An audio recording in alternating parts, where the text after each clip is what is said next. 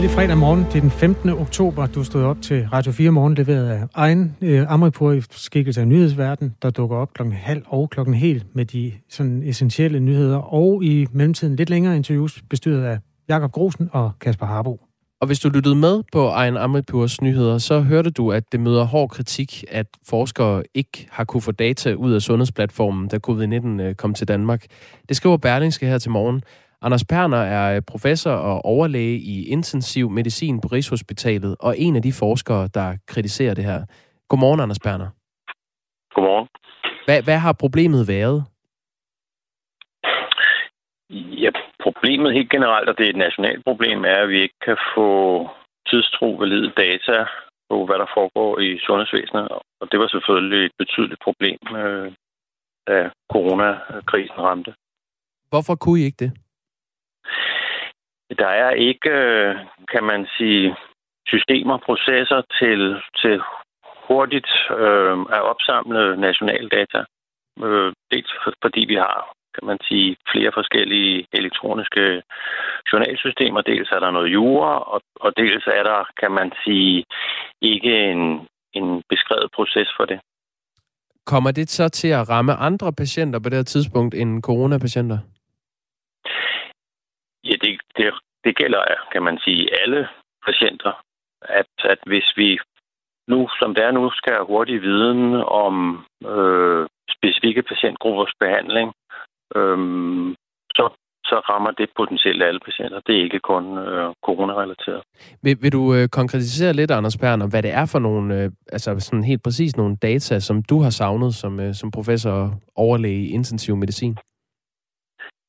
Jamen, da, da landet lukkede ned, blandt andet for at beskytte intensivafdelingerne, der, der kunne vi ikke, kan man sige, få et hurtigt overblik over, hvad er det for nogle danske patienter, der kommer på de danske intensivafdelinger. Hvad gør vi ved dem? Hvor mange kommer i respirator? Hvor længe ligger de i respirator? øhm, hvordan går det dem? Og, og vigtigst, øh, hvor mange øh, dør, hvor mange overlever. Det har været meget, tror jeg, informativ nyttig viden at få givet videre til befolkningen og beslutningstagerne og kollegaer i hele landet. Men fik du ikke de tal? Øh, dem kunne man da sådan blive opdateret på dagligt. Hvor mange ligger i respirator, hvor mange dør, hvor mange lever, hvor mange har været indlagt i løbet af de sidste perioder?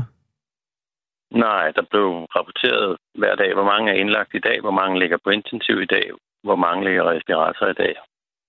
Ikke andet. Hvad var det, du manglede? Jeg skal bare undskylde, hvis jeg spørger dumt, men det er for at få malet det præcise billede af, hvad det betød for dig.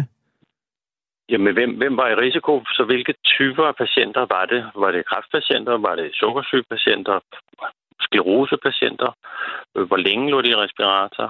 Øhm, hvor, hvor længe lå de på intensivafdelingen? Og hvordan gik det dem? Hvor mange intensivpatienter døde?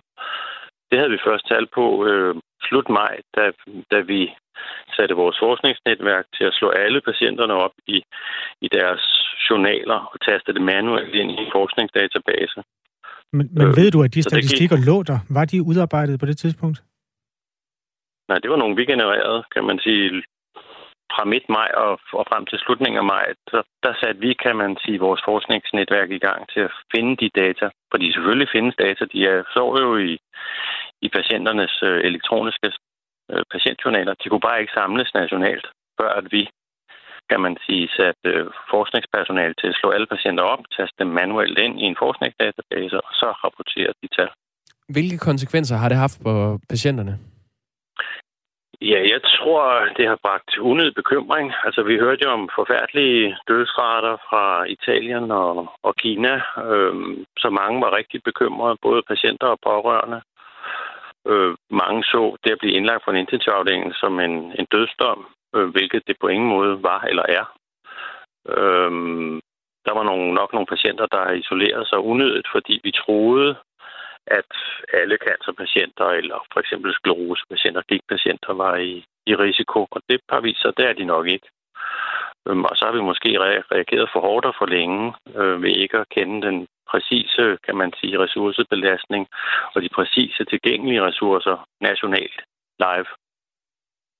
Sundhedsplatformen øh, har jo været fuldt implementeret i hele Region Hovedstaden. Øh, da det blev præsenteret, lød det, at Sundhedsplatformen i stedet for hidtidige øh, patientjournaler øh, skulle erstatte en lang række forældede og usammenhængende IT-systemer. Og det øh, skulle medføre en ny måde at organisere arbejdet på, så behandlingen blev lettere, og patienternes behov og ønsker i højere grad kunne styre forløbet. Hvor stiller det sundhedsplatform i dag? Det er jo ikke første gang, den bliver øh, øh, kritiseret, Anders Perner. Øh, synes du, at den er bedre eller dårligere end de gamle, øh, nu siger jeg, forældede IT-systemer? Øhm, altså på, på, for den, kan man sige, for den enkelte patients forløb er det bedre. Altså vi har et, et godt overblik for den enkelte patient. Men det her, det handler, kan man sige, om alle coronapatienter, og der kan vi ikke få overblik. Så, så for det enkelte forløb, fint. Er det fuld overblik, der er det, kan man sige, lige så øh, problematisk, som det var. Hvad, hvad håber du, at der kommer til at ske med sundhedsplatformen nu? Øhm, jamen, det er sådan set ikke mit ærne. Jeg, jeg, jeg synes, at vi skal stille et, et nationalt mål om at, at have et, et øh, agilt system, der hurtigt kan skaffe valide data på, hvad der foregår i sundhedsvæsenet nationalt lige nu, for at kunne agere over for man siger, udfordringer, kriser, øh, potentielle problemer. Anders Berner, jeg vil lige bede dig, lige inden du, øh, du afslutter sætningen, prøv lige at svinge din telefon over hovedet. Jeg ved godt, det lyder mærkeligt, men der kommer sådan noget robotagtigt lyd på dig lige nu. Så prøver vi lige igen. Øh, du må godt tage handsken op, hvor du, øh, hvor du lagde den. Hvad, hvad er det, du håber, der kommer til at ske med sundhedsplatformen, nu hvor du er ude og kritisere den? Han røg simpelthen af. Han kom simpelthen til at kaste telefonen væk der. Det er også øh, nogle gange en lille smule øh, underligt, at du beder om lige præcis det, men du, du har altså evidens for, at det forbedrer øh, Det er totalt anekdotisk, men øh, du ved, det virker. Det virker gang på gang.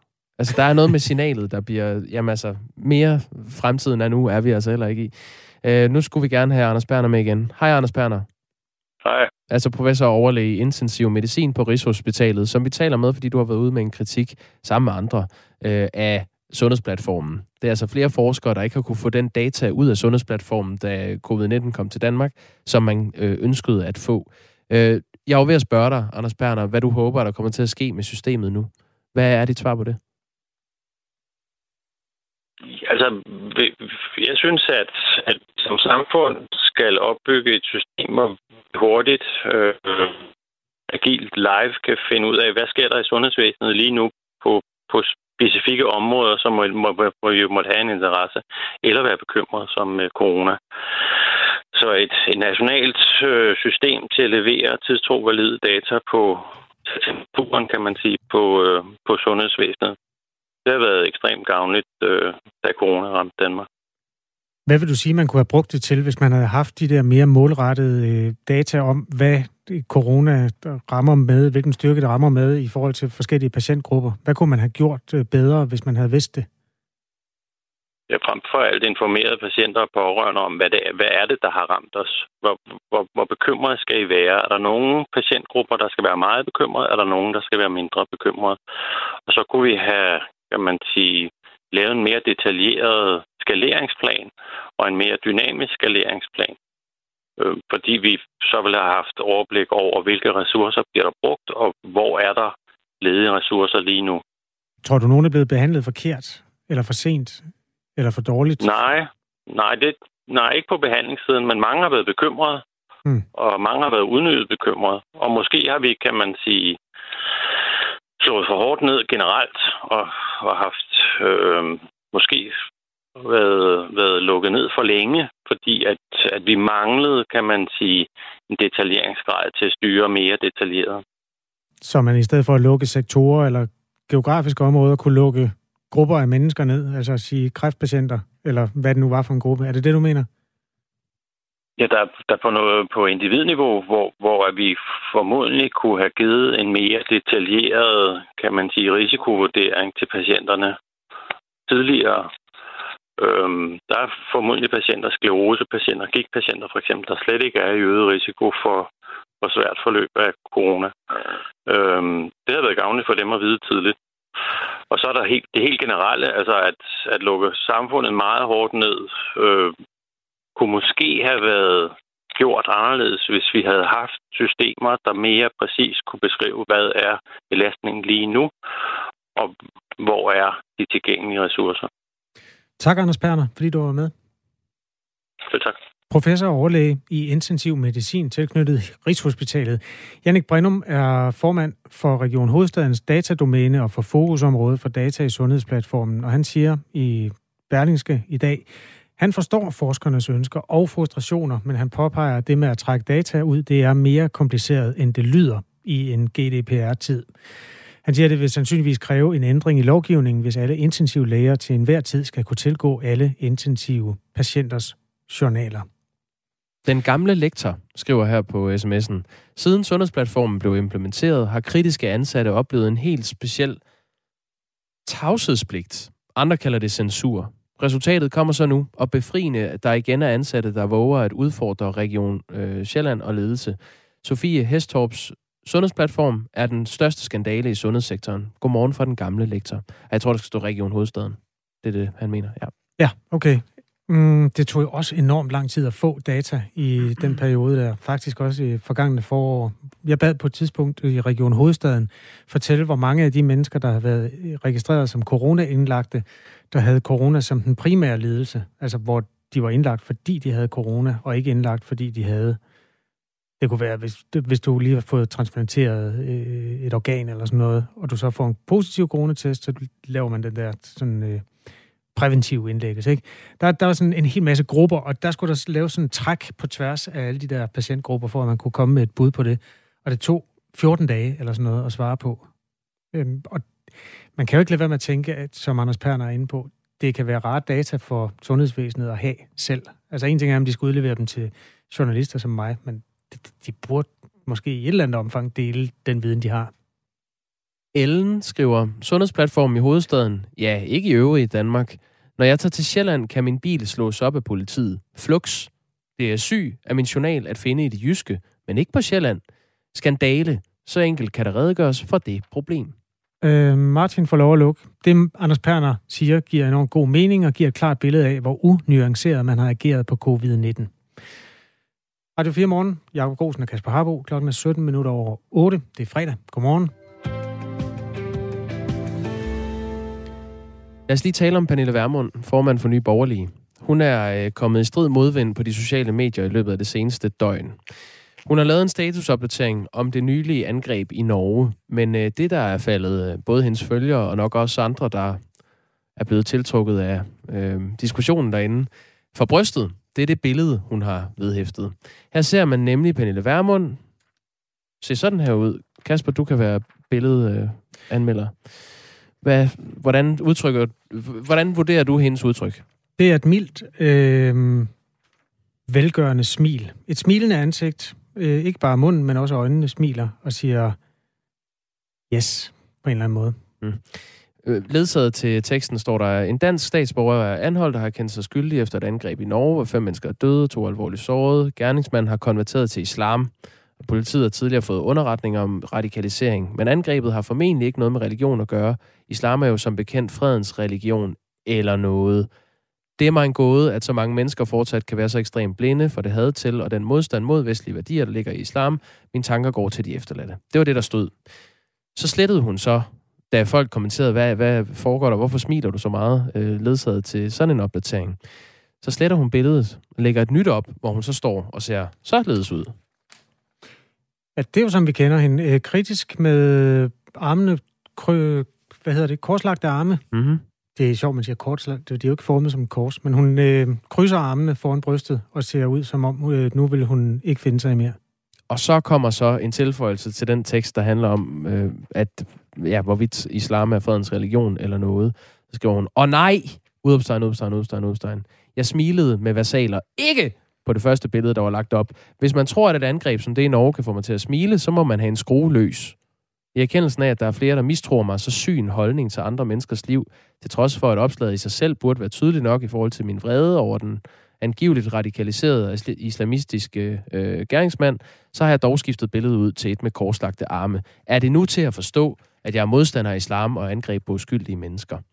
Så det, altså, det er jo hele konceptet i det der med, Det her handler jo mindre om angrebet i Norge, og mere om det, at øh, politikerne lægger billeder på sociale medier, hvor de... Ja, det er jo selfies. Selfie-kulturen. Ja, det er da et lille ben i den debat, i hvert fald. Det, man også kan debattere, og det er der også nogen, der gør, det er, hvorvidt Pernille Vermund eller nogle af de andre øh, nationalkonservative, som griber den her dagsorden til at diskutere islam i bred forstand, på et tidspunkt, hvor gerningsmanden rent faktisk ikke dokumenterbart har sagt Allahu Akbar eller noget som helst endnu. Han har for fire år siden fortalt, at han var blevet muslim og øh, været troende i enhver forstand. Men han har jo også haft en skrueløs, og det er jo det, det er jo det spændingsfelt, hvor man så fra nogle politikers side, Pernille Vermund blandt andet, stempler ind og siger, lad os diskutere islam på den baggrund. Ja, der var altså nogen, der hellere vil diskutere uh, smil, uh, der ledsager sådan nogle posts på sociale medier. Vi har ragt ud til Pernille Vermund, skal vi lige sige. Hun har ikke svaret. Dem, der var uvenner ude på sociale medier, før det her skete, de er det stadig. Det har ikke ændret noget som helst. Nej, det er status quo. Klokken er 9 minutter i halv ni den her uh, fredag morgen. Lad os blive ved det, der skete i Norge, fordi der gik øh, 30 minutter fra politiet i Norge første gang konfronterede gerningsmanden, til de anholdt ham. Og i mellemtiden havde den her 37-årige danske mand dræbt fem mennesker. Alt det her, det udspillede sig jo altså i Kongsberg i, i forgårs aftes.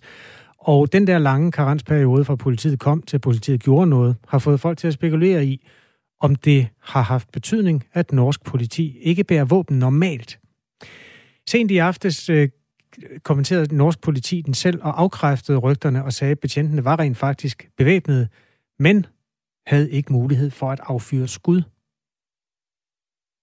Adam Didriksen er politiforsker og filosof på katastrofe- og risikomanageruddannelsen, som er en professionsbachelor ved Københavns øh, Professionshøjskole. Godmorgen. Godmorgen. Øhm, det, det er en meget rodet forløb, og det bliver jo også efterforsket øh, efter alle kunstens regler, det her lige nu. Hvad er dit umiddelbare indtryk af det, der er sket, når du øh, kigger på det med, med politiforskerøjne? Altså, det er uklart, hvad der er sket endnu, så vi ved ikke rigtig, hvad der er op og ned på det. Og en halv time er jo ikke nødvendigvis lang tid, lidt afhængig af det konkrete begivenhedsforløb. Det, der gør, at man kan blive bekymret, og som måske også øh, gør det blevet så stort et spørgsmål i Norge, det er det her med, at politiet allerede havde kontakt med ham tidligere. Og der kan man jo øh, altså øh, undre sig over, at de ikke fik stoppet ham der, og det vil helt klart være noget, som der vil blive dykket ned i, og man skal undersøge grundigt, hvorfor øh, lykkes det ikke at få ham stoppet der. Og det bliver specielt meget tilfælde, fordi det var faktisk også tilfældet, at norsk politi øh, formentlig kunne have stoppet Breivik noget tidligere, øh, da han angreb Udøjer, fordi han startede jo med at angribe Oslo, og så kørte han ud til Udøjer, og der kunne norsk politi måske godt have stoppet ham på vejen der. Øh, så, han ringede så der i hvert fald selv og gav sig til kende øh, af flere omgange, og politiet havde flere muligheder for at øh, rykke ind, men var altså lidt længere om det at kunne. Det, det er i hvert fald konklusionen, som den er lagt frem. Sandsynligvis have afbrudt øh, hans øh, ugerning noget før. Er der et godt argument for, at politiet ikke er så bevæbnet i Norge normalt? Ja, altså Norge har en meget øh, civil polititradition, og det er en del af det. Altså man vil gerne fastholde, at politiet er øh, som udgangspunkt en civil myndighed, og at det skal møde borgerne og løse problemerne på nogle andre måder end ved at, at bruge våben. Øh, og det kan lyde lidt overraskende i Danmark, hvor vi er vant til, at politiet er bevæbnet, men det er faktisk også tilfælde i, i andre lande, altså for eksempel i, i England, hvor man har en lang tradition for øh, ubevæbnet politi. Øh, så det er ikke kun Norge, der er specielt, altså, og det handler meget om det her med at fastholde, at politiet ikke er en type militær, men derimod er øh, altså i princippet almindelige borgere, der hjælper med at, at håndhæve loven og opretholde lov og orden. Hvis det var så god en idé, vil der måske være flere, der havde det. Hvorfor er der ikke flere, der har ubevæbnet politi? Ja, nu siger du, antyder du lidt, at det ikke fungerer i Norge og, og Storbritannien, men, men det er der jo altid delt meninger om, og øh, altså formentlig har de ikke spillet nogen rolle i det begivenhedsforløb, der har været nu. Fordi det der er modellen i Norge, det er, at man kan bevæbne politiet, hvis der er behov for det. Og det gælder både på, øh, på det overordnede niveau, hvor hvis der er en meget høj terrorrisiko, så bevæbner man hele politiet. Det skete for eksempel efter Udøjer. Men det fungerer også på den måde, at man kan bevæbne de enkelte patruljer, hvis de nu skal ud og løbe løse en opgave, som på en eller anden måde er særlig farlig, eller hvis situationen kræver det. Og det er jo netop, hvad man har gjort i det her tilfælde, fordi det er jo helt oplagt, at det har været en, en farlig opgave for politifolkene at skulle løse. Øh, så på den måde øh, lyder det jo forløbet som om, at systemet faktisk har fungeret, og det ikke har forsinket opgaveløsningen, at politiet øh, ikke var bevæbnet som udgangspunkt, for det er de så blevet undervejs. Nu skal vi jo ikke diskutere, øh, om de politifolk bare så rigtigt eller forkert ad, men det man i hvert fald har fået øh, refereret fra politiets side er, at man dukker op øh, bevæbnet, men ikke i stand til at skyde, formentlig, altså ud fra argumentationen, at man ikke kunne sådan have klart skud efter den her person, som den gerningsmand, der også skød øh, pile efter politiet. Øhm, jeg kommer lige med lidt fakta. Dan, I Danmark der har øh, politiet gået med våben siden Palle Sørensen skød og dræbte fire politibetjente i 1965. En livstidsfange, som øh, de fleste har hørt om. Han var på flugt fra noget relativt banalt, og på sin flugt, der dræbte han simpelthen fire politifolk. I Norge har man som sagt helt andre regler end i Danmark. Politiets våbeninstruks blev ændret for otte år siden, så man har lov at opbevare skydevåben låst inde i politibilerne. Inden da var det faktisk sådan, at de skulle hentes på politistationen før brug. Nu har man dem med i bilerne, man skal kun finde dem frem under særlige omstændigheder. Kan man frygte, at det giver mere utrygge betjente, når man ikke er bevæbnet normalt? Altså i hvert fald er det norske politiforbund øh, tilhænger af, at man får en øh, bevæbning som, normal, øh, som del af den normale udrustning. Så hvis man spørger politifolkenes fagforening, så vil de gerne have bevæbnet øh, øh, folk. Øh, om det skaber mere utryghed? Øh, tja, altså øh, det, det er så meget svært at sige. Altså, der er meget bekendt ikke nogen undersøgelser, der, der synes at vise det. Øh, men det er som sagt i hvert fald et ønske blandt den norske politifolk. Tror du, altså siden onsdag har det jo været midlertidigt tilladt for betjentene at gå med våben, hvilket jo er altså selvfølgelig også en anspændt tid, men der er ikke nogen tegn på, at der er nogen, der sker noget opfølgende til det her. Det var det, man kalder en ensom ulv, eller en gal mand, eller hvordan man nu udtrykker sig. Altså en enlig person i hvert fald. Tror du, at den her midlertidige tilladelse bliver gjort permanent? Altså det her, det vil ende med at rokke ved den norske måde at drive politi på? Det er svært at vide. Altså, man kunne jo godt tro det også specielt, fordi det jo nu er, er anden gang øh, inden for forholdsvis få år, at Norge øh, er udsat for øh, noget alvorligt, der i hvert fald ligner terrorangreb. Uh, men på den anden side, så tror jeg, at jeg troede efter, at Breivik af norsk politi ville blive øh, bevæbnet. Og der valgte man faktisk at jo gå tilbage til, at øh, man som udgangspunkt ikke var bevæbnet. Øh, og, og det viser jo, at den her tradition med civilpoliti, øh, den tradition står rigtig stærkt i Norge. Og derfor synes jeg, det er lidt svært at, at spå om, hvad, hvad udgangspunktet på den her historie bliver. Øh, og det vil helt sikkert blandt andet komme til at afhænge af, om det har spillet en rolle øh, at, at politifolkene var ubevæbnet, eller det viser sig, at det nuværende system, hvor de har, med, har dem med i bilen, faktisk fungerer udmærket. Fordi der er en række ret gode argumenter for, at politiet skal være ubevæbnet. Øh, og det er især noget, der handler om, hvordan man løser opgaverne. Ikke? Altså, at øh, hvis man som udgangspunkt er ubevæbnet, så ligger øh, hovedtrykket også på, at politiet skal finde andre måder at løse deres opgaver på, øh, end, end sådan den mest øh, voldsomme form for, for magtanvendelse. Og det vil være øh, noget, som mange mennesker vil synes er, er rigtig vigtigt, og, og som sagt en tradition, der står meget stærkt i Norge. Så jeg synes, det er svært at, at øh, spå om, hvad udfaldet bliver på det her. Det sagde altså Adam Didriksen, der er politiforsker og tilknyttet det, der hedder katastrofe- og risikomanager-uddannelsen. Du skal have tak, fordi du var med her til morgen. Selv tak. Og god dag til dig. Altså tilknyttet Københavns Professionshøjskole. Dykker I også ned, at den seneste, ned i, at den seneste Rasmus Bjerg-film Vildmænd er udsat på grund af sammentræf med bueskydning, spørger Jens. Det kan vi da godt lige tage.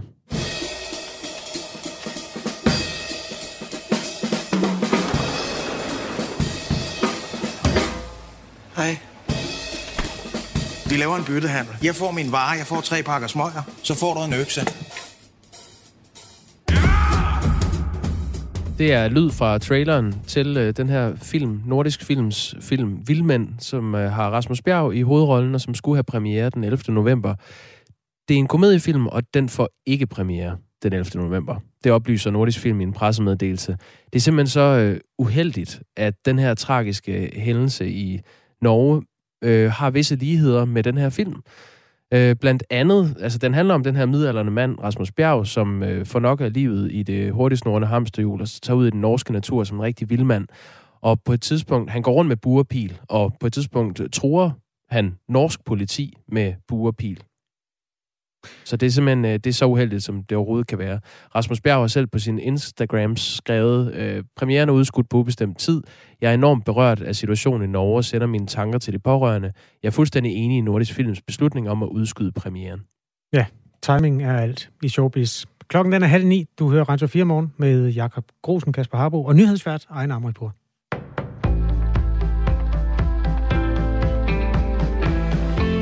I weekenden holder kristendemokraterne deres årlige landsmøde i Middelfart, og partiet er ikke blevet valgt ind i Folketinget siden 2005, men nu ser de muligheden for at blive valgt ind igen.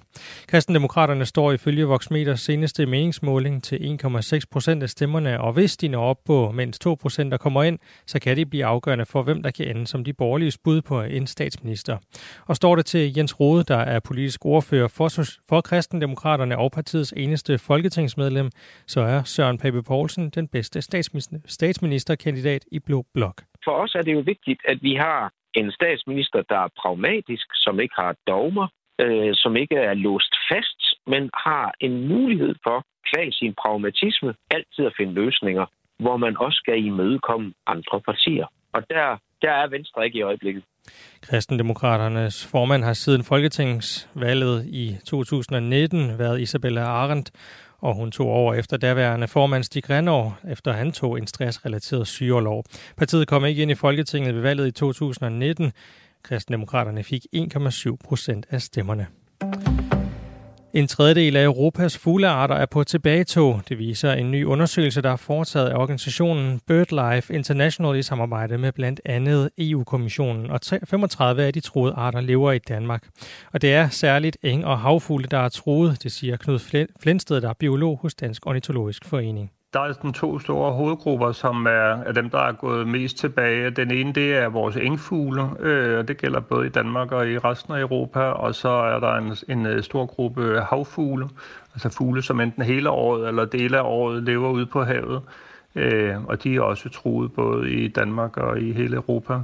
Engfugle er blandt andet brushaner, rødben og dobbeltbekassin, mens en af de troede havfugle er æderfuglen. Miljøminister Lea Wermelin har kaldt situationen en naturkrise, og udviklingen den er ikke ny, siger biolog Knud, Knud Flensted. Ja, altså der, for nogle af arterne, der er det jo nogle lange sigtede udviklinger, kan man sige, med, med intensivering af landbrug og opdyrkning af enge Omvendt peger Knud Flensted også på, at nogle af indsatserne for at forhindre ulovlig bekæmpelse af rovfugle har betydet, at flere rovfugle er blevet mindre truet. For eksempel er isfuglen, sølvmågen og steppehøen fløjet helt af listen. Det blev sidste år muligt at anmelde covid-19 som en arbejdsskade, og antallet af anmeldelser har for nylig rundet 10.000, det viser tal fra Arbejdsmarkedets Erhvervssikring. Mere end halvdelen af anmeldelserne er fra ansatte i sundhedssektoren, primært på hospitaler og plejehjem. Indtil videre har omkring 2.300 fået anerkendt deres sag som en arbejdsskade. De resterende sager er ikke afgjort endnu.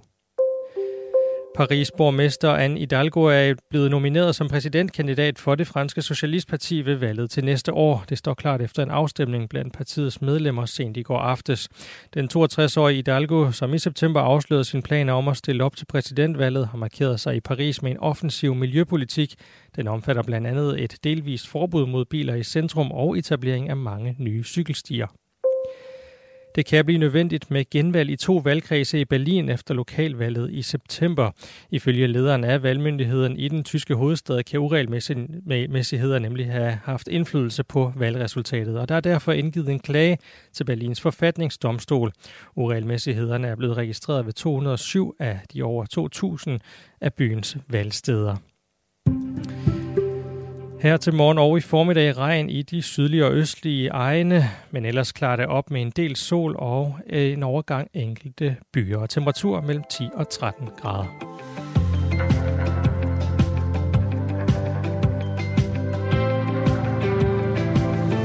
Velkommen til Radio 4. Klokken er 8.34. Det er fredag morgen, snart formiddag. Jakob Grosen og Kasper Harbo har yderligere 26 minutters nyhedsmagasin til dig.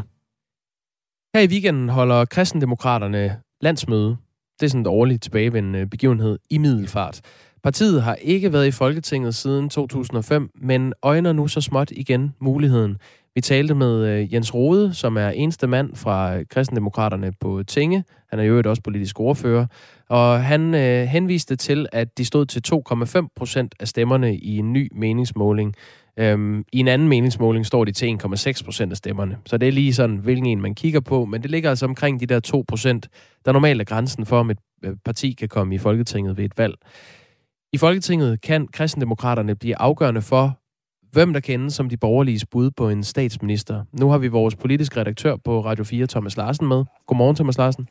Godmorgen. Godmorgen. Hvor øh, står kristendemokraterne forud for det her landsmøde? De står et sted, hvor optimismen er meget synlig i, i partiet, for det er helt tydeligt, at både i ledelsen og også blandt medlemmerne, der er der en øh, stærk stigende tro på, at øh, næste valg kan blive lykkens gang for partiet, og man virkelig kommer øh, ind i, i Folketinget med, med flere mandater. Og når det skyldes, eller når det er sådan, så skyldes det jo selvfølgelig, at man blandt andet har fået Jens Rode med om, ombord. Jens Rode er en politiker, som øh, også deler øh, vandene, men der er en ting, man ikke kan tage fra ham, og det er altså en evne til at sætte dagsordenen i medierne og komme ud med sine budskaber. Og det er lige præcis, hvad kristendemokraterne har brug for. Altså en, der kan trænge igennem og få, øh, og få partiet løftet ud til, til vælgerne. Øh, og så skal man også huske på, at øh, hvis vi ser tilbage på sidste folketingsvalg i 2019, der var partiet altså rent faktisk meget, meget tæt på. Det var omkring 200 stemmer, der manglede, og så var partiet allerede i Folketinget dengang. Så det er et landsmøde, tror jeg, hvor man vil prøve at puste optimisme ind i baglandet og også ruste sig øh, til næste øh, folketingsvalg, og så netop med en tro på, at, at nu kan det lade sig gøre. Nu står øh, partiet med en chance for at komme indenfor igen.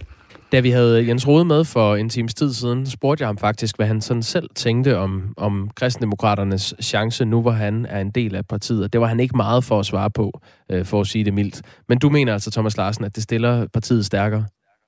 Ja, det gør det. Det er klart, han skal jo ikke stå og slå sig selv for, for, for brystet og sige, at man ham i, i, i spidsen eller i, som en del af, af, af skal vi sige, ledelsen i, i partiet, og som en del af dem, der skal, der skal trække partiet frem, så kommer det bare til at lykkes. Og sådan hjemme, det der med at sige, at den er hjemme dansk politik, det skal man som bekendt passe meget, meget på med. Men der er ingen tvivl om, at, øh, at både han selv tror på det, og det gør uh, Isabel, øh, uh, Isabella Arndt også, som jo er uh, den, der skal være med til at, at kæmpe uh, sammen med, med, med Jens Rode for at få partiet i Folketinget ved næste valg. Det skal hun nemlig. Hun har været formand for kristendemokraterne siden Folketingsvalgkampen i 2019, hvor partiets daværende formand Stig Grenov tog en stressrelateret sygeoverlov.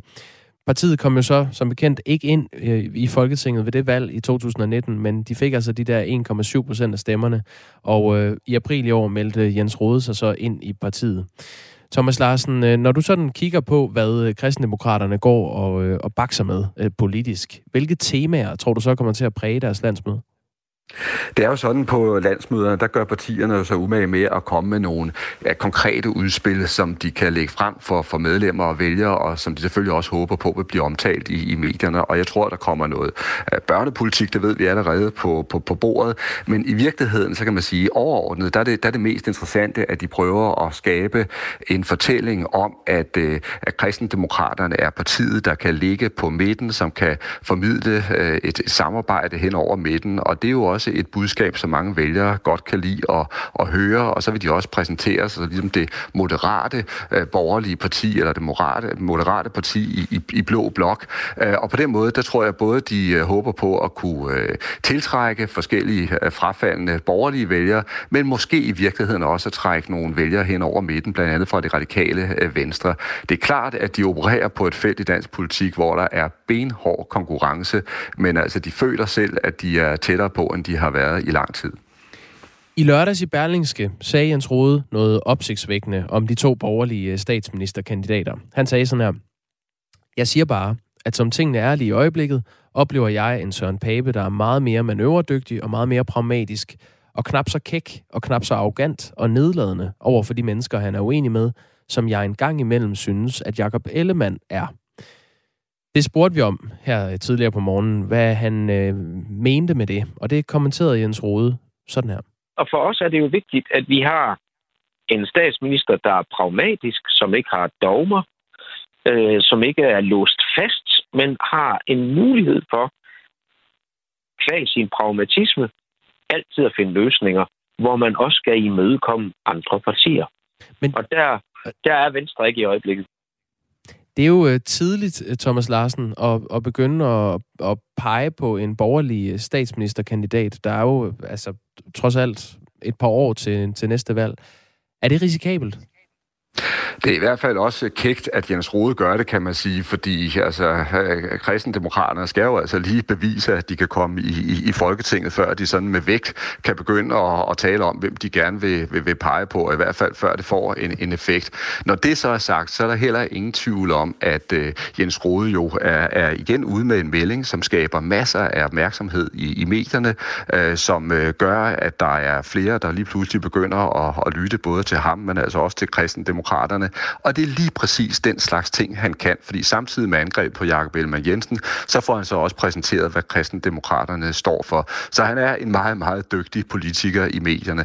Derudover, så må man altså også sige, at han har en rigtig god fornemmelse for, hvad det er for en udvikling, der er i gang i, i Blå Blok, for det er jo ikke altså tilfældigt, at han kommer med det her budskab. Han har også registreret, at øh, forholdet, størrelsesforholdet mellem Venstre og de konservative er under forandring. Det, der er det historisk nye, kan man sige, det er, at Venstre og de konservative, de ligger jo lige og side om side i meningsmålingerne. Og så har han jo også registreret, at Søren Pape Poulsen kan gå hen og blive den, der måske vil være den mere øh, fagnende og samlende øh, borgerlige statsministerkandidat. Og det tror jeg også er en fornemmelse, man finder hos øh, Nye Borgerlige og i Dansk Folkeparti. Så det, altså, han, han, har, han har fat i, i noget, der er en, en reel udvikling i Blå Blok, når han er ude med de her meldinger.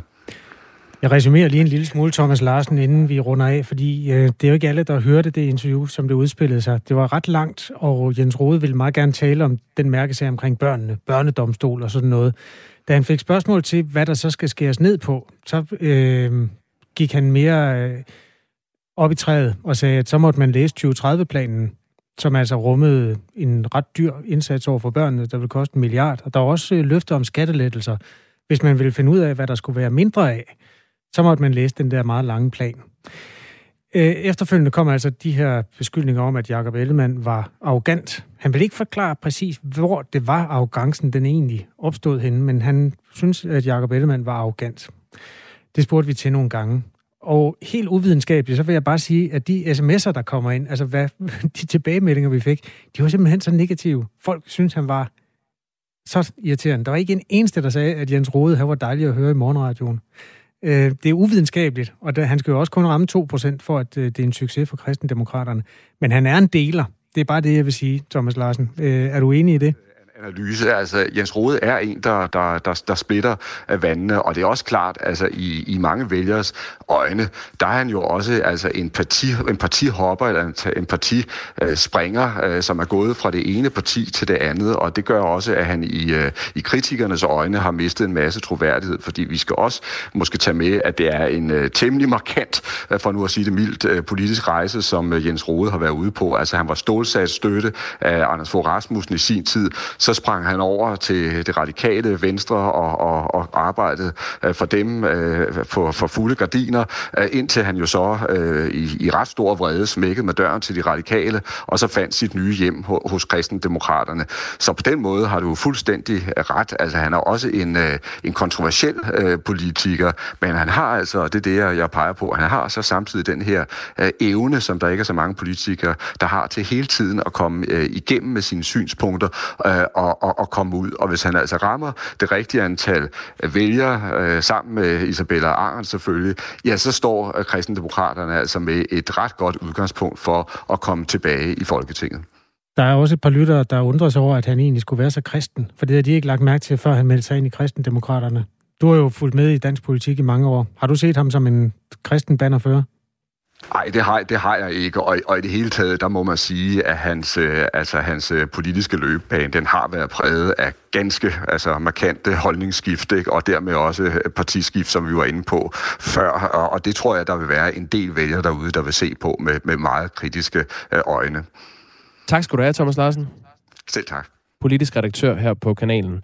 Og det er altså om, at kristendemokraterne her i weekenden stemmer sammen i Middelfart og holder en mægtig fest. Klokken... Nej, du, du sidder og kigger sjov på mig.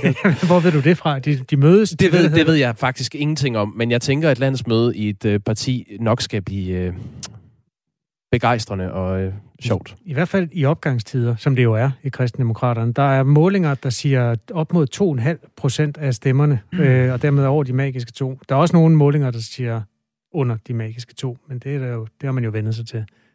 Ja. Noget, der i hvert fald siger noget, som vi ved, hvad er, det er klokken. Den er blevet kvart i ni, og det vil sige, at vi øh, haster videre. Der er en viral ting, vi bliver nødt til at tale om. Der florerer en video på nettet i øjeblikket med øh, Nordkoreas militær. Store, muskuløse mænd, der laver en slags opvisning for at glæde lederen Kim Jong-un. Man ser de her militærklædte koreanere, nordkoreanere, øh, smadre mursten, blandt andet med ansigtet. Der er nogle af dem, der bliver slået i maven med en klaphammer, mens de ligger oven på nogle søm. Og øh, en af dem lægger sin hånd oven på en form for flise, og så bliver der bare tæsket med det sådan en kæmpe så, hammer. så vildt ud. Det, det ligner noget for Bloodsport eller en eller anden øh, vild film. Ja, og hvis de oprindelige øh, lyde havde været med, så havde vi spillet lyden af dem nu, men de versioner, jeg har fundet af den, der er der lagt sådan noget musik ind over, muligvis øh, fra nordkoreansk side, jeg ved det ikke. Hårdt pumpet musik. Du må simpelthen nøjes med vores beskrivelser. Jeg vil håbe, kære lytter, at du enten har set den, eller gør dig selv den tjeneste at se det her. Det ligner, ja, du er inde på det. Sådan noget Bud Spencer møder... Øh, Jean-Claude Van Damme i en direkte standoff. Kæmpe muskuløse, men i hvert fald virkelig veltrænede. Det kan de. Øh, det er ikke alle, der er udsultet øh, sultet i Nordkorea. Øhm, men det store spørgsmål er jo selvfølgelig, om det, de ligesom udtrykker, at her har vi en kampklar og virkelig veltrænet nation, om det er det, altså om det er det indtryk, man sidder tilbage med. Fordi øh, måske er det i virkeligheden bare cirkus. Vi skal tale med Sonny der er tryllekunstner og femdobbelt Danmarksmester i Taekwondo. Godmorgen. Godmorgen. Øh, inden vi går ned i, hvad der kan lade sig gøre, og hvad der bare er cirkustricks, hvad var det første, du tænkte, da du så den film? Jeg tænkte, øh, nå, det er jo det, jeg plejer at gøre hver morgen. hvad, hvad for noget er det? ja, det hele. Det er bare opvarmningen, det der, de har gang i der, ikke?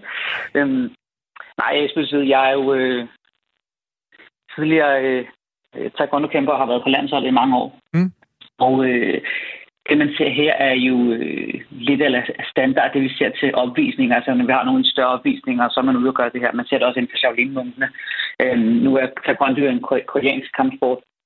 Øh, så, øh, så for mig er der ikke super meget hokus pokus øh, over det her. Øh, så det er, det er altså simpelthen det er altså noget, man gør, når man er ude og lave opvisning. Det er, at man sparker brædder over, og man sparker øh, slår, øh, stykker. Når man skal op og have øh, det sorte bælte i, i taekwondo, så øh, skal man også gennembryde øh, fliser med, øh, med de bare hænder og, og, og sparke dem over. Så, øh, så det er ikke så, så, det er ikke så atypisk i, i kampsportsverdenen. Altså, i en af scenerne, der lægger en mand en flad hånd oven på en sten, og så kommer der en gut med en kæmpe hammer og slår den ned over hånden, så stenen knækker.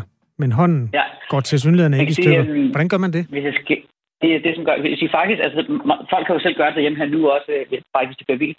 Øh, men også selv, hvis I sidder her, prøv at lægge øh, hånden fladt på, på bordet, og så lave en lille, lille ja. mellemrum. Ja. Før lave et lille, sådan, så, lave et lille mellemrum, så et lille hul nedenunder, øh, lidt, lidt, lidt luft under, ja. under, hvad hedder det? Løfter hånden en lille smule? Under hånden. Ja. En lille smule, ja. Og, og, og så kan I også bare lade den være nede her, og så prøv en af jer, altså, eller tage den anden hånd, og så bare hammer ret hårdt ned på hånden, og så vil vi mærke, at det gør ikke særlig ondt. Nej, det gør det egentlig ikke. Ah. Øhm, nej, så og så er det en anden, og man gør, gør det ret, ret hårdt. Øhm, så det, der sker, det er også, at flisen ikke ligger fladt på jorden, men den ligger sådan, den buer en, en lille bitte smule. Og, og hammeren øh, er højst sandsynligt sådan en, en, en, en, en gummihammer. Altså, den er hård. Ved I, hvad jeg mener? Ligesom man slår pløkker ned. Ja. Ah, det, det ligner altså ja. metal. Jeg sidder og ser videoen her, øh, Sonny Kagara. Det, det ligner metal. Okay. Ja, Jamen, det, man, man kan jo få forskellige, øh, man kan få forskellige hammer, så, så afhængig af den belægning, der ligger på, altså så kan det godt ligne metal. Øh, jeg har, øh, jeg har en trylleshow, der har jeg jo øh, der har jeg også en hammer, øh, hvor folk sådan hører bum, og så, øh, hvad hedder det, så tager jeg efterfølgende, og så går jeg hen, og så slår jeg en i hovedet med den, øh, og så er det sådan, wow, og så var det bare en blød hammer, øh, som, som bare ligner den rigtige. Øh, så det, men, men ikke at det er det her. Her er det bare øh, ved at vurdere, uden at lige have set helt nøgen på det her, så, så øh, er det, kan det godt være en af de der gummihammer. Og måske er det en metalhammer, men jeg tror, at det er en, øhm, øhm, en af de der tunge gummihammer. Alright. Jeg, jeg sidder og kigger på en, øh, det er så et andet stunt, en, øh, en øh, ret øh, hårdt pumpet fyr, som tager to hvad der ligner mælkeflasker, og knaller dem sammen, så det rører ned oven i nogle glasskår, der ligger i forvejen. Ja, ja, ja. Og, så han, Høh! og så lægger han sig ned oven på dem øh, på ryggen, og så er der en, der knaller en flise ned over ham, med, ja. slår ham på den med en hammer bagefter. er det, hvad, hvad gør man der? Altså, men vi har jo set det, når øh, man laver sådan nogle øh, workshops, øh, der er det det her med, at du ved, kan man ligge på søm, og kan man gå på glasgård, og kan man gå på kul. Øh, og det er faktisk noget, man kan. Øh, det der er med, med, glasgård, jeg har også selv ligget på, øh, øh ligger på glasgård, og det, øh, det er, hvis, hvis, hvis, hvis gårdene, altså det kunne jo godt være øh, stunt stuntflasker, men det tror jeg ikke, det er. Øh, fordi at det, det godt kan lade sig gøre. Hvis man øh, har et glaskår, hvis et glaskår ligger for sig selv, så er det skarpt, og man træder på det, så gør det næst.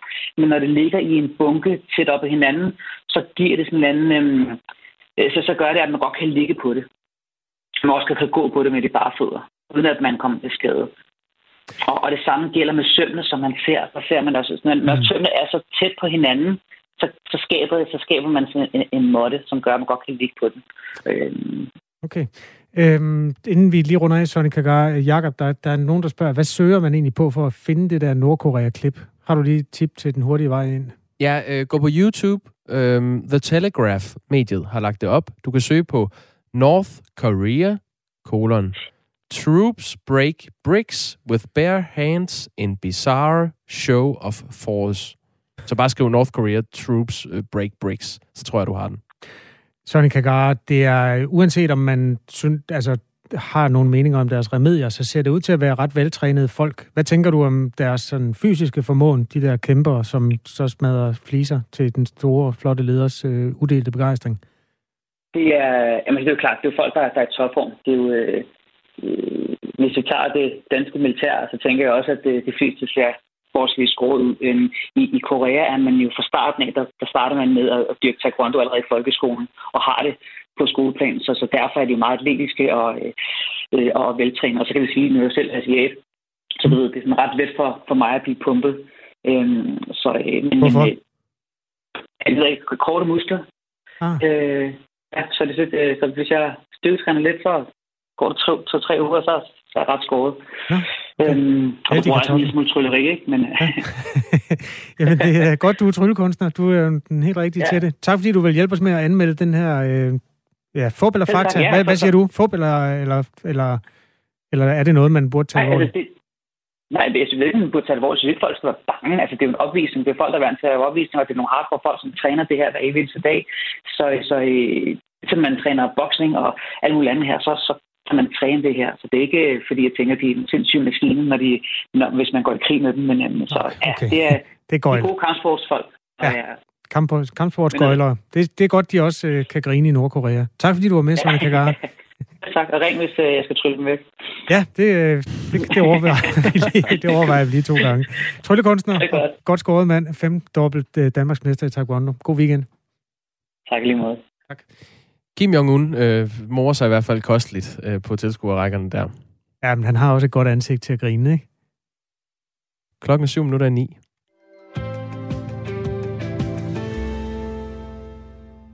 Man hører af til, at sociale medier som Facebook og Instagram kan være skadelige for især unge mennesker. Der har været historier om lukkede fora på de her sociale medier, hvor depression og angst får øh, frit løb. Men det er altså ikke videnskabeligt bevist, altså at sociale medier er skadelige i sig selv. Det mener du, Andreas Liberoth, som er lektor i mediepsykologi på øh, Aarhus Universitet. Godmorgen. Godmorgen. Når vi hører de her historier om unge med mentale problemer på sociale medier, har selve mediet så ikke nogen øh, aktie i det? Jo, jamen det er jo det er også en sandhed med modifikationer, at der ikke er nogen sammenhæng, fordi sociale medier er sociale rum, og det betyder, at der kan foregå alt muligt forskelligt derinde, og du kan også gå derind med mange forskellige formål og møde mange forskellige ting. Så det er faktisk ikke rigtigt, at der slet ingen studier er lavet, som finder nogen sammenhæng. Det man for eksempel kan se, det er, at hvis øh, man har selvskadetanker, eksempelvis som jo sådan den ekstreme ende af at have det skidt med sig selv, eller være deprimeret, eller eller har et dårligt kropsbillede eller et eller andet. Hvis man går med den slags tanker, så er der for, for eksempel en forbindelse imellem, og at de tanker bliver større, eller at du begynder at gøre mere i at udføre de, de ting, du går og tænker på, måske at gøre ved dig selv, hvis du også har en social medieadfærd, som er forbundet med selvskade. Så hvis du for eksempel er på nogle af de der grupper, eller begynder at søge på, hvordan kan jeg cutte, eller safe cutting, eller et eller andet, så, så er der en sammenhæng der. Det er overhovedet ikke det samme som alle mulige andre teenager og almindelige mennesker går hen og bliver deprimeret, eller kommer til at gøre skade på sig selv af at være på den her platform. Men de mennesker, som er i en risiko, som allerede er et sted, hvor de måske også kunne finde andre sociale rum, hvor det ville blive styrket, det kan de meget, meget nemmere på sociale medier. Så der er en sammenhæng, fordi det er et sted, hvor unge mennesker er stort set hele tiden, og hvor alle dele af deres psykologi og deres sociale liv også, også udspiller sig. Det er bare ikke mediet i sig selv, der gør nogen nødvendigvis skade. Det er nogle bestemte måder at bruge det, og nogle bestemte ting, der foregår der. Men så kan man så sige, at, at øh, Facebook og Instagram er ikke skadelige for øh, unge, som lever en relativt øh, øh, problemfri tilværelse, men de unge, som har det svært, de bliver præsenteret for andre, der har det svært, og kommer ind i en ond spiral det kan i hvert fald være nemmere at komme i kontakt med den slags. Ikke? Altså hvis, hvis man bor i et eller andet mindre samfund i Danmark, kan det måske være svært overhovedet at blive inspireret til, øh, til nogle bestemte tanker og, og måder at gøre og, og udtrykke sig osv. på. Ikke? Men er man på så stor en platform, jamen, så er det meget, meget nemt både at rende ind i det ved et uheld, men også at, at opsøge det. Så, så, så der ligger noget der. Men det som forskning sådan alt i alt videre, altså man skal vise, som viser, man skal jo aldrig sådan kigge på et enkelt studie for eksempel. Det er sådan en af de vigtige regler inden for psykologien, at man kan altid finde et studie, som viser et eller andet. Men man er nødt til at kigge på tværs af rigtig, rigtig mange undersøgelser for at se, hvad, hvad der lader til at være gældende for de fleste almindelige unge, som jo for det meste er det, folk er interesseret i. Og der kan man se, at de sammenhænge, der er imellem for eksempel depressionssymptomer og øh, Instagram-brug. Altså det er meget, meget små statistisk set effekter, der ligger der, som også meget tit kan forklares med andre ting, og som for eksempel er, altså det er størrelsesordenen omkring, hvorvidt man øh, får spist morgenmad. Der er det mindre end det. Så på den måde så er det ikke fordi, at vi har en generation, som bliver smadret af depression og stress og angst af de sociale medier, men der er en sammenhæng. I 2021, altså i år, var der over 1 milliard brugere af Instagram i sig selv på verdensplan. Og i sidste uge blev en undersøgelse fra Facebook, som jo også ejer Instagram, lækket. Og den viser, at der rent faktisk er skadelige effekter ved øh, sociale medier. Kan vi stole på de undersøgelser, som øh, Facebook selv har lavet, Andreas Libort? Nej, for nu, nu siger du, at den, den viser, at der rent faktisk er skadelige effekter, og det gør den ikke. Det, det den viser, det er, at hvis man spørger unge piger, som allerede har et, øhm, en utilfredshed med deres krop, om de bliver bedre eller dårligere humør, og får det bedre eller dårligere med sig selv at være på Instagram, så svarer de, at de får det faktisk tit værre. Og det er fuldstændig i overensstemmelse med resten af forskningen, så på den måde så er der ikke noget sådan overraskende ved det. Ja, jeg har det her, Andreas Lieberud. Jeg tror, det er, det er 13,5 procent af britiske teenagepiger har sagt, at Instagram forværrer suicidale tanker, 17 procent af teenagepiger siger, at deres spiseforstyrrelser bliver værre efter brug af Instagram. Det, det er i hvert fald de tal, jeg lige øh, kan hive op af hatten her. Siger det ikke noget om, at... Jo, jo, at, men... Ja. Hvad, hvad vil du sige? Jo, jamen, det, jeg, tror, jeg tror bare, det, det er vigtigt at være klar på sproget omkring det, fordi en ting er, at man hvad hedder det, har en følelse, man kan svare på på et spørgeskema. Noget andet er, hvilken hvad skal vi sige, reel psykologisk effekt det har på længere sigt i folks virkelige liv, når det, der er meget stor forskel på at svare på et spørgeskema, og så på, hvad det rent faktisk er, du går og slås med i hverdagen. Der har man brug for bedre forskning. Nå, så, så de svar, de har givet, øh, mener du ikke kan, kan bruges? Nej, fordi det, altså, mit, ja, min træning er i, i psykologi, ikke også? Og, og vi, vi måler rigtig mange af den slags ting allerede, men der findes virkelig hvad hedder det, vel efterprøvede redskaber, som vi bruger til at skille for eksempel, lad os sige, selvskade, risiko eller depression. Og det er ikke validerede redskaber, der er blevet brugt her. Altså de redskaber, der er blevet brugt, er sådan meget åbne spørgsmål, som, øh, som slet ikke er, hvor vi slet ikke ved, hvad har, det, hvad har det egentlig med virkeligheden at gøre. Så grunden til, at jeg siger, at det, det er ikke, for mig bevis, er det ikke bevis for ret meget, det er, at jeg ikke kan se, hvad hedder det, dels præcis, hvordan der er blevet spurgt, men også er, er jeg overhovedet ikke klar over kvaliteten af de målredskaber, der er blevet brugt. Så det er også bare den sure forsker, der siger, at bare fordi Facebook har lavet det, er det jo ikke det samme som, at det er en større eller vigtigere effekt, end hvis man øh, laver et, et studie med, lad os sige, 6.000 øh, engelske unge mennesker fra, øh, mm. fra sådan en bred population fra et universitet, for eksempel. Det, det er jo egentlig en helt omvendt øh, historie, vi har gang i her. Altså en undersøgelse fra Facebook, som Facebook holdt tæt til kroppen, men den blev lækket, viste, at der er skadelige effekter ved sociale medier. Og nu taler vi med dig, Andreas Libort, som er lektor i mediepsykologi, som siger, at øh, måske er der slet ikke en så stor øh, skadelig slagside ved de sociale medier.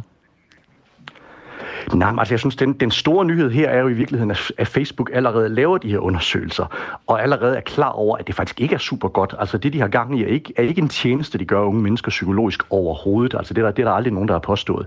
Så den, den uhyggelige historie ved det er jo i virkeligheden, at den diskussion, der ligger i nogle af de her ting, der er lægget, hvor de snakker om, jamen okay, vi, vi siger, at vi prøver på at gøre noget ved det, men reelt så er det imod vores forretningsinteresser og, øh, og prøve på at mindske bestemte ting osv. Så, videre. så på den måde, så, mm. så, så synes jeg ikke, at nyheden er, at de har lavet et studie, som finder et eller andet, for de studier, der er lavet masser af allerede, hvor effekterne ikke sådan er voldsomt store at se. Og jeg prøver altså på at kigge bredt på tværs af forskningen, frem for bare et enkelt studie altid, for at finde ud af, hvad, hvad der overhovedet er i sådan et, et ret kompliceret problem. Så jeg synes, det store, det, det mest overraskende, eller jeg ved ikke, om han bliver overraskende, men det, det, det, som vi måske skal være hissige over, det er ikke så meget det der med, gør det skade, fordi det, det, det synes jeg egentlig ikke, der er stærk evidens for, at det gør. Nej. Men mere det, at Facebook faktisk er klar over det og siger, men, men, men tys, tys, tys, vi skal, vi skal ikke sørge for offentligheden for opmærksomhed på det her, fordi det er, det er ikke godt for vores forretning. Så lyder det altså fra lektor i mediepsykologi på Aarhus Universitet, Andreas Lieberoth. Tak for det. Selv tak.